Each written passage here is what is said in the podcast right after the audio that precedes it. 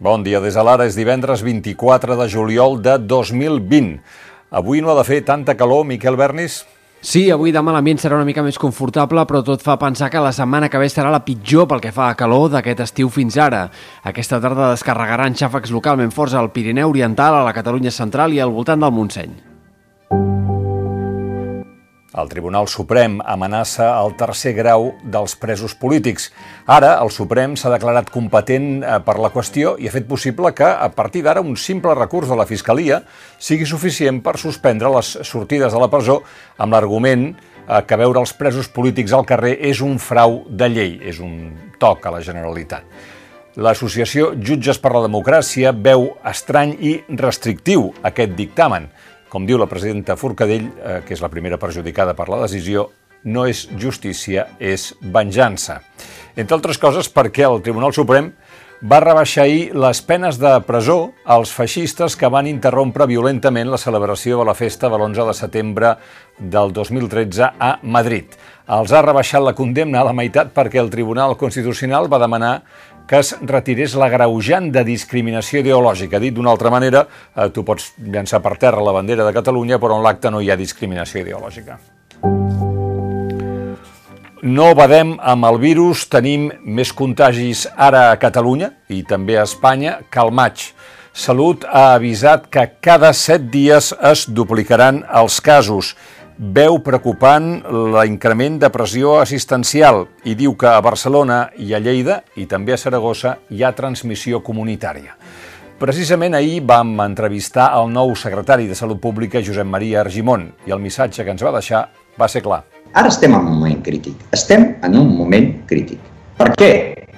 Doncs perquè, com deia, pensem que el, la, la, la infecció incrementarà, perquè vostè ha explicat molt bé que ara vindran gruix de les vacances, o està venint el gruix de les vacances, hi haurà aquesta mobilitat, és lògic que ens vulguem moure, però també és aquesta responsabilitat de que si jo em moc en una segona residència, faré exactament el mateix que estic fent aquí. I per cert, a causa de la pandèmia, notícia d'aquesta matinada, el president dels Estats Units, Donald Trump, ha cancel·lat la convenció republicana que s'havia de celebrar a Florida. I ahir van fer com si fos Sant Jordi, d'aquella manera, i trobareu un balanç del dia a les pàgines de Cultura. Va servir per vendre més llibres, per parlar d'autors i d'obres, però, com va dir una senyora de Lleida, un Sant Jordi sense autors firmant no és Sant Jordi. Per cert que ahir Xavier Bosch, un dels autors de més èxit, es va trobar a Jordi Cuixart a la llibreria Ona de Barcelona. En parla la contraportada d'avui. Diu que, malgrat que li va dir aquesta nit dormiré a la presó, el president d'Òmnium em comana empatia, regala rialles i capgira l'estat d'ànim a tothom que s'hi acosta. Ell és un líder, en tenim pocs. Potser no el van tancar per pujar al capó d'un cotxe logotipat amb un megàfon. Potser l'han tret de la circulació per ser massa optimista.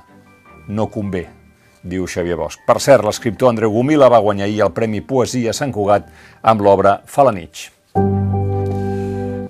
I els esports, el Barça B, el Sabadell i el Cornellà són a un pas de l'ascens a la segona divisió de futbol.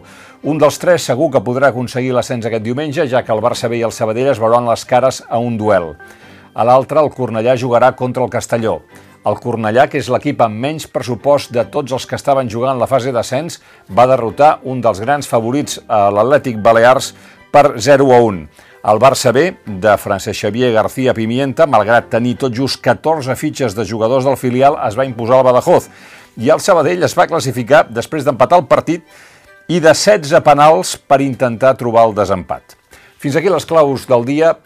En el curs del matí us oferirem una entrevista al president Carles Puigdemont eh, que mantindrem amb ell d'aquí uns minuts. Fins ara mateix.